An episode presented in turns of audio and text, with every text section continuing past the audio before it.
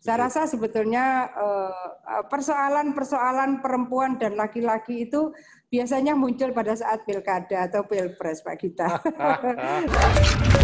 Inilah Endgame. Bu, saya mau fast forward sedikit ke masa Ibu jadi Menteri Sosial. Ya kan? Ya. Eh, Di 2014 ya Bu ya? Ya, Eh, sampai 2018. Kalau dibandingkan antara pengalaman Ibu sebagai Menteri Pemberdayaan Perempuan dibandingkan dengan masa Ibu sebagai Menteri Sosial, apa Bu? Plus minusnya atau yang lebih kena gitu, yang mana Bu? tantangannya beda ya. Hmm, Eh, karena kalau di pemberdayaan perempuan waktu itu kita cerita gender equality.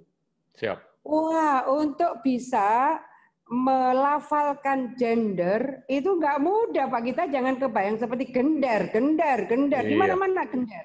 Setuju. Menteri pun setuju. gender. Mm-mm. Nanti lembaga tinggi yang lain gender. Nanti ke daerah gubernur gender. Jadi. Pak, betapa bahwa untuk mensosialisasikan terminologi gender itu bukan mudah waktu itu. Iya. Saya keliling ke berbagai kementerian, departemen. Saya izin, pokoknya Pak Menteri, Bu Menteri, kalau ada ya saya dengan senang hati. Kalau enggak, sudah, enggak apa-apa, saya tak keliling. Untuk membangun perspektif gender. Saya keliling ke eh, Polda, kita mungkin dapat 19 Polda yang kemudian punya tempat bagaimana menyiapkan format layanan untuk perempuan dan anak.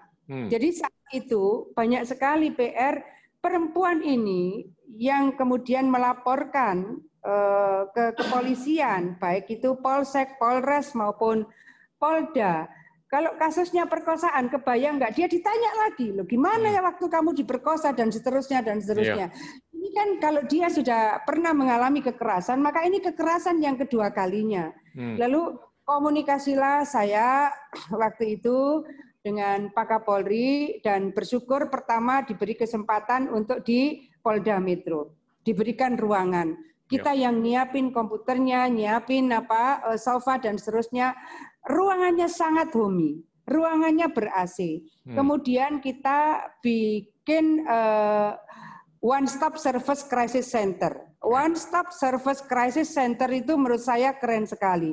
Kita waktu itu berkesempatan diberi tempat di RSCM. Ini ada di Filipina, ini ada di beberapa negara yang pasca konflik, pasca perang, mereka menyiapkan ruangan bagaimana perempuan dan anak itu mendapatkan fasilitasi VIP ketika dia di rumah sakit. Jadi betul-betul one stop service crisis center itu tamu ini tidak melewati antrian, di situ kemudian ada apa eh, perwakilan dari kepolisian, Siap. perwakilan dari psikolog, kemudian perwakilan dari shelter. Kita punya shelter waktu itu.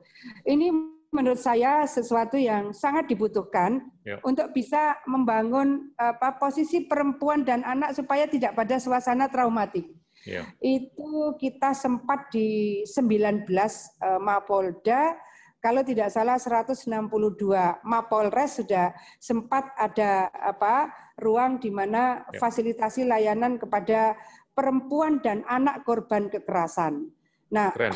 Keren. Posisinya masih membangun pondasi seperti itu. Hmm. Nah, di Kementerian eh, Sosial ini adalah PR besar kita bahwa kita belum memiliki backbone Ya. menurunkan kemiskinan itu Hmm. dari asumsi sekian menjadi sekian dari sekian menjadi sekian Ya. apakah lima tahun apakah per tahun ini backbone-nya apa gitu nah Hmm. Saya kemudian diminta oleh Pak Presiden Pak Jokowi Mbak Ya. Hof ini kalau kemiskinan harus diturunkan sekian gitu Hmm. menurut RPJMN itu kira-kira kita tambah intervensinya atau ditambah penerimanya Wah, saya bilang saya mohon izin Bapak, saya harus cari pakarnya. Hmm. Ini dengan segala hormat dan mungkin eh, apa eh, mungkin tidak semua bisa nerima apa yang mau saya sampaikan. Saya cari orang siapa yang bisa membantu hitung-hitungan Hmm. kita nambah orang atau nambah nilai intervensinya. Datanglah saya ke banyak orang. Ya. Lalu salah satu pakar ini bilang Bu, yang bisa ngitung itu adalah Bank Dunia, tapi headquarternya. Waduh, saya, saya kemudian ya. eh, Februari 2015 saya okay. koordinasi dan saya dapat pro bono loh Pak Gita. Wow. Pro bono mereka datang untuk dilakukannya studi. Iya, loh. Wow. Mereka datang 10 sampai 14 orang sekali datang. Hmm. Sekali datang rata-rata 10 sampai 14 hari. Orangnya 10 sampai 14 orang, harinya 10 sampai 14 hari. Saya ditanya apa kebutuhan Ibu? Saya pertama butuh eh, apa proses untuk bisa menghitung hmm. dengan kemiskinan sekian. Ini kan kita kalau ngitung garis kemiskinan kan masih satu dolar per day. Iya, kalau iya. Bank Dunia kan atau di bawah dua dolar. Iya. Nah, makanya kemudian ada miskin, ada hampir miskin, ada rentan ya. miskin, hmm. tambah lagi ada pura-pura miskin. Enggak lah, yang pura-pura ini ya sih cuk aja.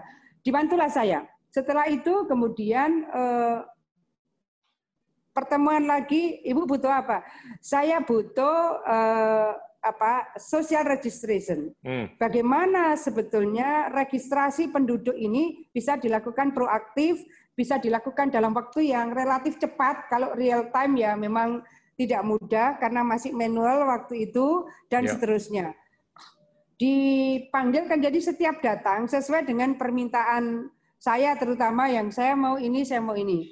Nah, sudah ambillah itu pakar social registration dari Brasilia. Setelah itu hmm. kita ketemu dua kali, eh, berarti dua satu bulan, 10-14 eh, hari, dua ya. kali pertemuan selesai. Kemudian misalnya saya tanya lagi, masa orang kemudian seumur-umur ingin mendapatkan bansos? Pasti mereka juga tidak ingin. Maka ya. saya minta format graduation. Saya minta hmm. graduation system ini seperti apa? Eh, dipanggilkan pakar yang memahami bagaimana graduation system itu ada pakar dari Filipina. Jadi kita itu bukan hanya dari apa uh, headquarternya yeah. World Bank, tapi bahwa dari negara-negara lain juga diundang sesuai dengan kebutuhan kita untuk melakukan pemetaan bahwa ini bansos, social protection ini kan perlindungan sosial sebetulnya. Kalau tidak dilindungi dia bisa tenggelam gitu. Yeah. Nah, pola social protection ini bagaimana bisa memandirikan Hmm. warga penerimanya. Maka harus ada format graduation sistemnya. Nah, berikutnya lagi, wah ini katanya di sana eh, apa disunat, di sana disunat hmm. gitu. Wah hmm. ini sudah harus disiapkan format yang eh, menurut saya bagaimana mereka yang nggak pernah kenal menabung kemudian mereka mau bisa mengakses gitu, ya. bisa mengakses lembaga perbankan. Nah, akhirnya di situlah menggunakan uh, e-wallet. Okay. Jadi untuk mengkonversi ke e-wallet, masya Allah, yang nggak percaya itu ya ya banyak banyak pengambil keputusan strategis, pengambil keputusan strategis. Saya tidak baik menyampaikan di sini, pengambil keputusan strategis banyak yang tidak percaya. Bahwa kita bisa melakukan itu barulah kemudian ada Queen Maxima. Hmm. Queen Maxima itu kan tim spesial envoy-nya Bank Dunia ya. untuk melihat bagaimana sebetulnya uh, pola yang sudah apa uh, uh, apa cashless. Jadi ya. Betul. yang tidak menggunakan anu yang sudah cashless itu di mana? Uh, saya diundang rapat di Kemenko. Ya. Tidak ada orang cerita uh, PKH program keluarga harapan kok bisa dilakukan secara cashless e-wallet ya. itu sudah nggak ada cerita. Kira-kira kurang dua hari, tim dari Queen Maxima minta untuk melihat ini. Kaget lagi. Wah, wetet, wetet, langsung uh, ya persiapan ya satu setengah hari lah. Karena beliau ke SMP Negeri 1 Bogor, maka kemudian yang ditinjau adalah uh, tempat penyaluran PKH di Bogor, ya. kota. Ya kaget tempatnya juga gangnya kecil, warungnya kecil. Memang ini kan sambil pemberdayaan bantuan pangan non tunai. Jadi sebenarnya itu eh, win-win profit betul. Baru kemudian kaget lu, kok bisa ya gitu. Jadi wow. yang komandan-komandan eh, strategis itu nggak percaya kok malah Queen Maxima yang mau lihat. Wow. Sudah itu masih agak agak kurang dipercaya lagi. Padahal itu sudah satu setengah hari loh persiapannya. Tiba-tiba hmm. Miss Iris kalau Pak Gita tidak mungkin tidak kenal. Miss hmm. Iris, Miss Universe ini datanglah ke Indonesia. beliau itu datang siang yang mau dikunjungi hanya satu titik, yaitu pembayaran PKH. Beliau mau lihat wow. bagaimana pembayaran social protection bagi yeah. masyarakat kurang mampu terus dilakukan uh, secara cashless. Jadi Miss Iris ini juga yang dilihat itu karena hmm. waktunya hmm. juga mepet, kita cari di Jakarta Barat. Sudah tempat di mana tidak jauh dari acara Grand Final Putri Indonesia waktu itu. Ya. Saya ingin menyampaikan bahwa ini adalah uh, kerja keras, uh, saya mohon maaf, lembaga perbankan kita, himbara kita sebetulnya kerja keras luar biasa. Ya. Banyak ya. orang mungkin tidak tahu bagaimana yang biasa menggunakan pakaian sangat ya perbankan, bagaimana perfectnya. Ya sepatunya begitu itu harus ke tempat yang baca-baca dan seterusnya Sabtu Minggu itu wah pokoknya berkeringat berkeringat lah itu mereka keliling itu dan jejaring jaringan-jaringan yang tidak yang belum terkoneksi akhirnya ya. kemudian bisa berseiring dan seterusnya saya ingin menyampaikan bahwa ini cara kita untuk bisa menghentikan saya sebut menghentikan hmm. karena uang itu sebenarnya dari Menteri Keuangan langsung ke Himbara. Ya. Dari Himbara langsung ke account number. Betul. Jadi uang itu sudah tidak melewati Kementerian Sosial. Betul. Kalau misalnya ada yang tidak ambil dalam waktu hmm. 30 hari gitu, mereka mengembalikan ke rekening yang dititipkan di Kementerian Keuangan. Iya. Jadi sebetulnya transparansi itu kita Sangat. coba bangun hmm. supaya orang yang sudah miskin ini jangan lagi kemudian uh, ada yang memanfaatkan, iya. kemudian dipotong dan seterusnya tidak berarti bahwa semua running well. Pasti ya. ada apa ya. kerikil-kerikil yang Tujuh. kita masih harus terus berbenah. Terutama adalah kalau hari ini orang ini betul dia miskin, tapi miskin berapa tahun lalu. Sekarang ya. mungkin uh, dia dapat warisan atau ya. anaknya sudah jadi pegawai dan seterusnya. Akhirnya dia sudah tidak miskin dan seterusnya. Ya. Makanya graduation system itu menjadi penting untuk memotivasi bahwa kita bisa mandiri. Ya. Karena di tahun kelima sebelum mereka digraduasi itu kita memang sudah menawarkan kelompok usaha bersama gitu. Iya. Jadi KUB ini akan menjadi uh, apa pintu keluar iya. untuk uh, mereka bisa mandiri. Kira-kira begitu. Bu, saya mau tarik ini graduasi dan digitalisasi atau esensi ya. digitalisasi pembayaran khususnya untuk bantuan sosial. Ini mau saya tarik ke konteks uh, COVID-19. Ya. Uh, ini kalau kita lihat realisasi bansos Eh, dan teman-teman ya. UMKM ini mohon maaf masih agak kurang kan. Nah itu kalau prakarsa-prakarsa digitalisasi pembayaran itu sudah dilakukan Ibu di tahun anggaplah 2014, 15, 16 dan lain-lain. Itu kenapa sekarang tuh masih kurang maksimal kelihatannya Bu? Ada pandangan nggak? Ya, jadi mungkin Jawa Timur sendiri yang fiber optik itu baru 62 persen. Siap fiber optik baru 62 persen. Kemudian eh, kita Jumat kemarin tuh baru ngitung-ngitung. Kalau kita ingin membantu eh, paket data eh, hmm. di seluruh kabupaten, seluruh desa dan kelurahan di Jawa Timur 8.501, kita membutuhkan sekitar 102 miliar.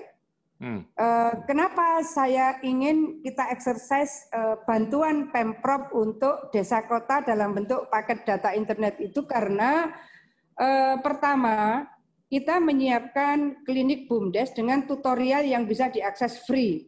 Pasti dia akan memasukkan beberapa password-password. Kalau dia pemula, tutorial pemula. Kalau dia berkembang, tutorial berkembang. Kalau dia maju, tutorial maju saya ingin menyampaikan bahwa kalau kita mau setuju tidak setuju bahwa hari ini ya kita kemudian dipaksa oleh COVID ini masuk pada era digitalisasi. Siap. Maka kemudian proses untuk bisa membangun pelatihan. Menurut saya ini efisiensi yang luar biasa yang bisa kita lakukan.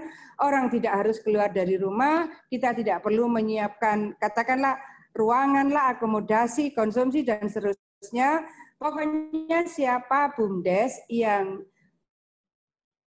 ini kan kita punya sekitar 426 yang sudah mulai berkembang. Hmm.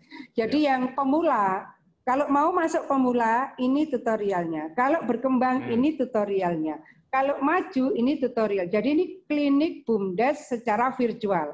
kita ikutkan inovasi top 99 di Kemenpan RB. Hmm. Lolos. Kemudian masuk lagi top 45, lolos lagi. Artinya menang ini.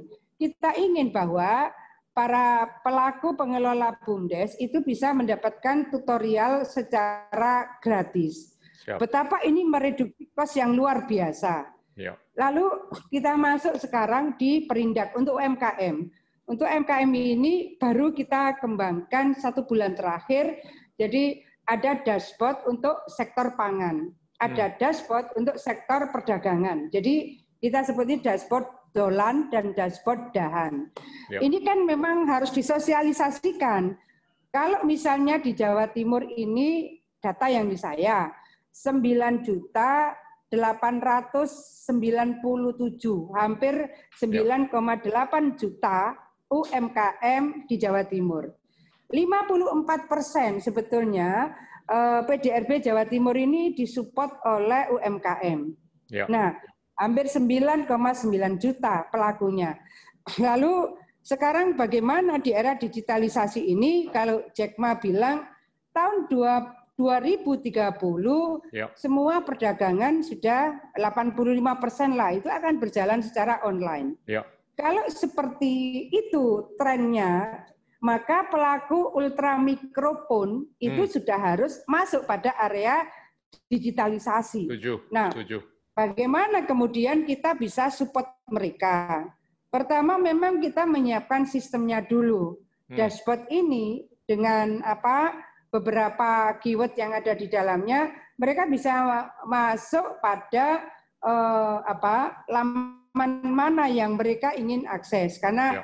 banyak sekali eh, fitur-fitur uh, yang kita siapkan di dalamnya. Tetapi bahwa smartphone sekarang ya. berapa banyak yang punya smartphone, terutama ultramikro, termasuk adalah anak-anak sekolah. Berapa banyak yang punya smartphone? Lalu kita kenapa sedang dieksersis untuk support ke apa kantor kelurahan dan desa karena kalau dengan menggunakan akses kelurahan dan desa, anak-anak yang masih harus menggunakan daring karena kita tanggal 18 Agustus ini sudah akan memulai tatap muka secara bertahap uji coba ya. pembelajaran tatap muka secara bertahap tapi masih blended learning jadi masih gabungan mix antara tatap muka dan uh, daring.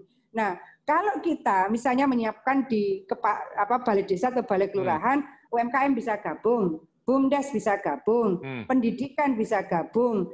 Lalu dalam waktu dekat mereka juga bisa mengetahui visi misi kandidat pilkada.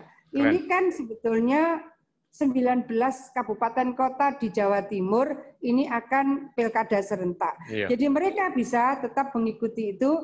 Jadi pendewasaan politik, pendewasaan demokrasi bisa berjalan, pendidikan Keren. bisa tersupport, UMKM dan BUMDes juga bisa tersupport. Iya. Iya. Iya, Bu, ini pandemi ini kan cukup disruptif terhadap ya. aktivitas ekonomi, sosial, ya. budaya, ya. belajar dan lain-lain kan. Ini saya mau ini di akhir diskusi kita nih, saya mau ngomong mengenai masa depan. Masa depan Jawa Timur, masa depan Indonesia. Tentunya saya mau tarik ke tahun 2045 saya hmm. mau kembangkan atau konstruksikan ini dalam konteks peran wanita atau perempuan ke depan dan apa pun yang menurut Bu Kofifa itu relevan untuk Indonesia supaya bisa unggul ke depan. Gimana Bu? Ya, uh, begini, ketika saya membuka MPLS masa pengenalan lingkungan sekolah untuk SMA SMK se-Jawa Timur secara virtual tentunya hmm. tanggal 13 Juli yang lalu saya sampaikan kepada mereka, nih McKinsey memprediksi bahwa 2030 Indonesia itu masuk Big Seven. Siap. Nih, PricewaterhouseCoopers memprediksi Indonesia 2050 masuk Big Four. Siap. Lah, siapa yang akan mengisi? Kan yang akan mengisi ya yang sekarang ini para teenagers terutama. Ya. Mereka yang SMA, mereka yang SMK. Jadi kita sudah harus menyampaikan dan bukan hanya itu para guru pun sering kali saya pesan hmm. para guru sudah harus menyampaikan kepada para muridnya bahwa 2030 McKinsey punya prediksi Indonesia Big Seven bahwa PricewaterhouseCoopers 2050 ini Big Four. Siapa yang mengisi anak-anak ini gitu. Nah, ya. pada posisi seperti itu perspektif ini sudah harus clear di mata para guru. Hmm. Karena yang dalam koordinasi Pemprov adalah SMA-SMK, maka guru SMA-SMK sudah harus clear menyampaikan pesan ini kepada anak-anak. Ya. Nah, murid-muridnya pun sudah harus disiapkan bahwa kalian ini akan jadi pelaku utama di terutama 20-50. Hmm. Oleh karena itu, semangat mereka untuk bisa menatap masa depan yang sangat cerah bagi Indonesia di mata dunia mereka juga harus terbangun semangatnya bahwa eh, kebanggaan mereka dengan Indonesia harus diikuti dengan semangat kerja keras mereka. Jadi semangat dan apa membangun persepsi yang sama saya rasa harus dilakukan oleh semua semua elemen. Nah, ya. di dalamnya kalau semua elemen berarti uh, ya semua suku, semua agama, semua bahasa, semua daerah termasuk antara laki-laki dan perempuan. Saya rasa sebetulnya eh, persoalan-persoalan perempuan dan laki-laki itu biasanya muncul pada saat pilkada atau pilpres Pak kita. Di luar itu relatif lah. Iya. iya. Terus ya. kalau ini Bu, eh, apa namanya? Ada target nggak Bu? Ini kan kita selalu bicara mengenai kesenjangan kesejahteraan. Tapi saya kadang-kadang berpikir ini juga mengenai kesenjangan kesempatan. Ya. ya kan? Gimana tuh Bu untuk kita bisa mengrekonsiliasi antara dua hal tersebut? Ya, uh, saya ambil yang kesenjangan antar wilayah. Jadi Siap. saat uh, saya sama Mas Emil kampanye, kita memang uh, sudah mengkampanye bagaimana pendekatan kewilayahan itu menjadi basis dari program kita untuk menata Jawa Timur. Ya. Jadi di Jawa Timur ya sama lah Jawa Tengah, Jawa Barat dan bahkan Asia Pasifik. Coba Pak kita ada South South Collaboration. South South Collaboration itu kayak negara-negara selatan nih, negara-negara yang kurang berkemajuan. Jadi sama lah itu. Jawa Barat, Jawa Tengah, Jawa Timur. Kok kebetulan ya. yang tertinggal di bagian selatan. Jadi kita ingin membangun kesetaraan perlakuan, Siap. kesetaraan intervensi meskipun hmm. itu tidak mudah, adalah antara Jawa Timur bagian utara dan Jawa Timur bagian selatan. Hmm. Kemudian kalau problem Jawa Timur, kemiskinan perkotaan itu separuhnya kemiskinan pedesaan. Hmm. Petanya sih uh, detail lah ya kita, insya Allah. Uh, ya. Jadi untuk bisa membangun uh, berbasis kewilayahan, maka kita memang harus kembangkan wilayah selatan Jawa Timur. Nah ini baru antara utara dan selatan. Nanti antara kota dan desa. Sekarang ya. antara kesempatan. Nah, ya. sebetulnya kalau sekarang sih ya, kalau saya ambil ASN, ASN ini kan sebetulnya sudah semua berbasis komputer. Siap. Jadi tidak bisa di apa menurut saya tidak menurut saya tidak bisa di engineer karena uh, dia tahu lima menit setelah dia kerjakan dia tahu dia punya skor berapa. Ya. Skor itu kemudian akan muncul di layarnya dia dan di layar besar dan dia bisa membandingkan skor tertinggi pada saat satu batch-nya dia siapa. Itu relatif uh, sudah transparansinya relatif terbangun. Ya. Nah, sekarang persoalannya adalah uh, bukan apa unequality, jadi hmm. bukan bukan ketidaksetaraan, tetapi bahwa informasi itu nyampe apa enggak gitu iya. kepada uh, apa sumber-sumber SDM yang memiliki kualifikasi luar biasa misalnya kesempatan itu sampai apa tidak. Nah, uh, saya rasa sebetulnya dengan apa uh, proaktif semua lini jadi ya. mungkin uh, ada kepala daerah, ada Forkopimda, ada elemen-elemen strategis yang lain sama-sama menginformasikan. Jadi informasi itu bisa dilakukan lewat grup apa saja ya. uh, yang bisa memastikan bahwa pesan itu sampai kesempatan ini bisa diakses oleh siapa saja terutama biasanya kadang yang telat mendapatkan informasi itu perempuan. Saya nggak tahu kenapa telat mendapatkan informasi. Padahal hmm. eh, saya melihat bahwa sudah tren mungkin 20 tahun terakhir banyak sekali kumlot-kumlot itu lebih banyak perempuannya. Iya, Tapi dalam setuju. hal untuk akses yang lebih rajin perempuan loh Bu di sekolah. Iya. Laki itu kan lebih malas biasanya di sekolah dibanding yang perempuan. Cuma akses informasi ini Pak Gita, sering kali saya juga tidak tahu kenapa kemudian akses informasi ini sering kali agak agak terlambat gitu. Betul. Itu saja sih sebetulnya. Uh, saya rasa kalau kita bisa uh, membangun kalau kami di Jawa Timur karena FO-nya fiber optiknya baru 62 hmm. persen, hmm. memang ini yang harus terus dikembangkan, terutama kabupaten kota yang kita minta untuk memastikan supaya Jawa Timur ini kan rata-rata sudah 4G. Siap. Nah, tetapi bahwa ketika paket datanya kurang, ya. Iya, iya. Tinggal naik kelas saja ke 5G nanti. Ya. Bu, saya ini suatu kehormatan untuk saya bisa dengar pandangan Ibu dan mudah-mudahan masyarakat luas bisa juga mendengar pandangan-pandangan Ibu. Saya mungkin ingin mengakhiri tentunya dengan ucapan terima kasih, tapi dengan dua pertanyaan, Bu. Dan dan dijawab aja secara singkat tapi ini saya saya desain pertanyaannya memang harus dijawab singkat. Hmm. Uh, apakah realistis di masa depan Indonesia dalam jangka pendek atau menengah itu kepresidenannya itu perempuan? Uh, kita udah pernah punya presiden perempuan. Oke, okay. ya. okay. bagus. Nah, yang kedua tadi Ibu uh, mengangkat cheerleader-cheerleader yang apa sih bilang bahwa tahun 2045 sampai 50 itu kita bakal nomor 4. Ibu setuju nggak kalau kita harus beraspirasi untuk jadi nomor satu di tahun 2045? Pikiran itu harus terbangun oleh yeah. kita sendiri. Ya. Yeah. Jadi uh, dulu Gus Dur selalu pesan bahwa kita mesti melakukan yang terbaik yang kita bisa lakukan gitu. Amin.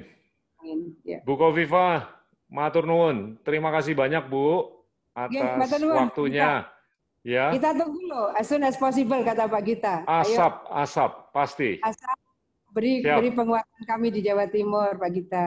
Siap, siap. Terima, Terima kasih, kasih loh Bu. Wassalamualaikum warahmatullahi wabarakatuh. Assalamualaikum warahmatullahi wabarakatuh. Teman-teman, itulah Ibu Kofifa, Gubernur Provinsi Jawa Timur yang telah bercerita panjang lebar semenjak masa kecil sampai masa kuliah dan tentunya sampai masa depan Indonesia yang jaya di tahun 2045. Inilah Endgame.